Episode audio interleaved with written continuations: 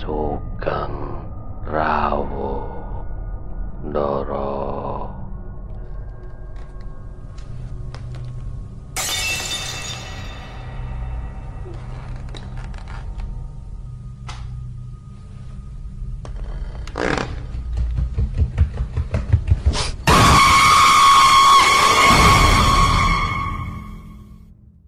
Satu Suro Activity. Assalamualaikum warahmatullahi wabarakatuh. Selamat malam. Rahayu, Rahayu, Rahayu. Para pendengar satu Suro Activity Saya, Panembahan Dokter Mistik. Hutan merupakan tempat tinggal segala makhluk. Begitu juga makhluk gaib Bahkan hutan menjadi salah satu tempat yang wingit. Seperti halnya kisah mistis seorang anak diculik oleh makhluk tak kasat mata. Kisah ini dari Wandi Kurniawan. Selamat mendengarkan. Anak yang hilang umur 8 bulan di hutan dan ketemu di hutan belantara di dekat kampungnya 20 tahun kemudian cerita observasi dari penulis sama seseorang yang hilang dan ditemukan yang masih hidup sekarang dan berbentuk karya ilmiah ini. Berawal dari seorang ibu yang berkebun di dekat rumahnya. Sebab tahun 1970 hutan masih asli. Apalagi di dekat perkampungan. Jadi rumah mereka dekat hutan. Di belakang rumahnya ada kayu beringin besar, sangat besar. Yang belakang kayu itu rimba, hutan tropis yang sangat menakutkan untuk anak kecil. Suatu hari ibu ini bekerja di kebunnya. Anaknya yang berumur 8 bulan ini dibuai di belakang rumah dekat kebun. Bermaksud nggak jauh dari ibunya bekerja di kebun belakang rumah Belakang rumahnya ada sungai besar yang dari hulu hutan ke hilir, terus hutan belantara. Anak umur 8 bulan ini dibuai dijaga oleh kakaknya yang umur 6 tahun. Karena ibunya kerja, ibunya nyangkul sedangkan kakaknya bertanggung jawab menjaga adiknya yang masih kecil yang tertidur lelap di buayan kain. Kakaknya bermain di sekitar adiknya sambil menjaga adiknya. Lalu, tiba-tiba ada orang berjubah hitam dan berwajah kuning datang tanpa sepengetahuan kakaknya. Langsung ngambil adiknya. Kakaknya tahu langsung teriak, "Jangan bawa adikku!" Begitulah teriakan sang kakak. Makhluk aneh itu langsung memanjat pohon beringin besar seperti kera dan menghilang seketika. Ibu sangat panik mendengar teriakan sang kakak.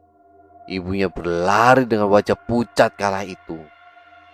Lalu kakaknya menjelaskan ke ibunya bahwa adiknya dibawa manjat pohon besar di dekat rumahnya di pohon beringin. Lalu hilang begitu saja. Menjelang sang ibu datang, Ibunya menangis sejadi-jadinya waktu itu karena anak hilang lenyap begitu saja. Singkat cerita, setelah itu keluarga mereka berdoa kepada Allah agar anaknya dikembalikan.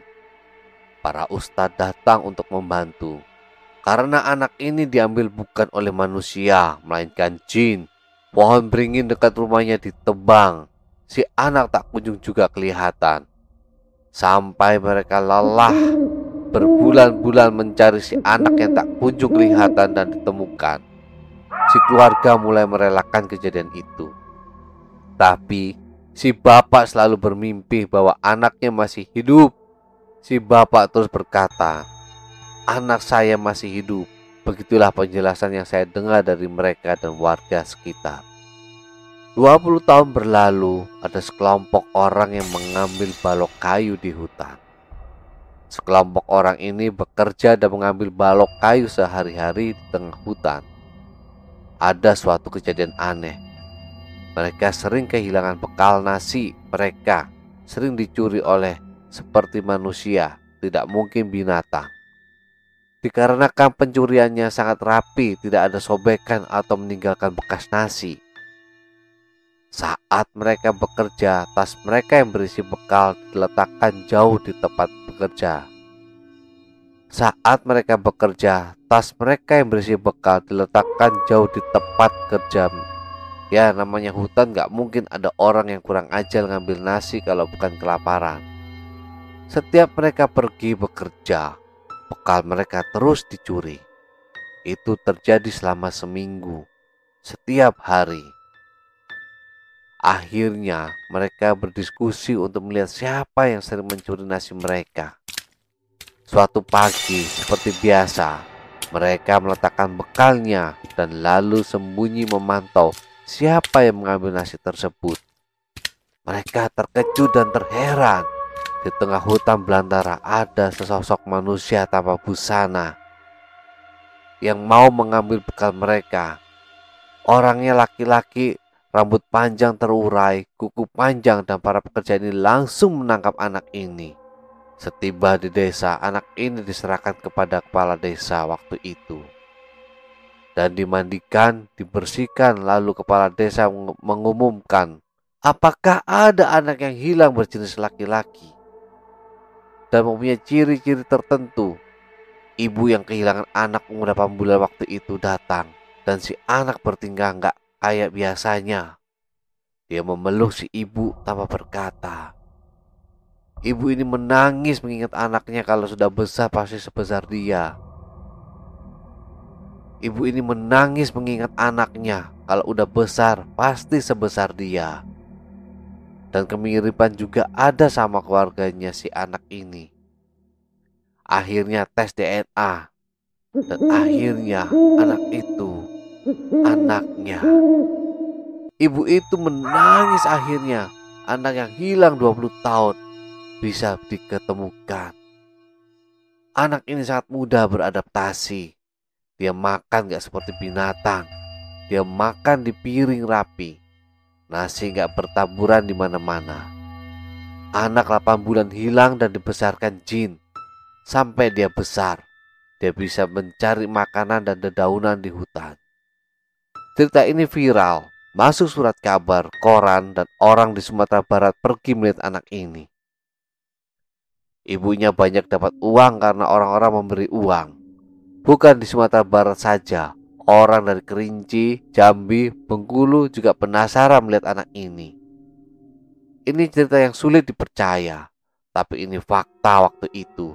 Sangat mistis. Setelah beberapa tahun kejadian tepat bulan Januari 2020, saya pergi ke tempat anak yang dulunya hilang itu.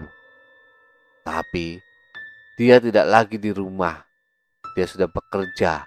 Saya sempat berbincang sama tetangganya dan menanyakan hal kejadian dan itu adalah fakta. Sekarang beliau sudah menikah dan punya anak, walaupun dia terlambat nikah untuk menyesuaikan dirinya yang dulu tidak tahu bahasa dan hidup seperti manusia pada umumnya di perkampungan kejadian Pongasan Pesel, Sumatera Barat. Tulisan ini sudah pernah saya tulis, tapi belum tahu apakah beliau masih hidup. Setelah saya observasi, ternyata beliau masih hidup dan hidup normal. Para sahabat satu surah activity, itulah tadi sebuah kisah dari Wandi Kurniawan. Dari kisah tersebut, kita bisa memetik suatu hikmah. Hendaknya kita perlu berhati-hati di suatu tempat yang wingit dan memohon perlindungan kepada Allah. Para sahabat satu surah activity, tinggalkan catatan doa kalian di kolom komentar. Like, subscribe, dan bunyikan lonceng keramatnya. Para sahabat satu surah activity, tetaplah iling lan wasbodo Assalamualaikum warahmatullahi wabarakatuh. Salam, salam, salam. Rahayu, rahayu, rahayu.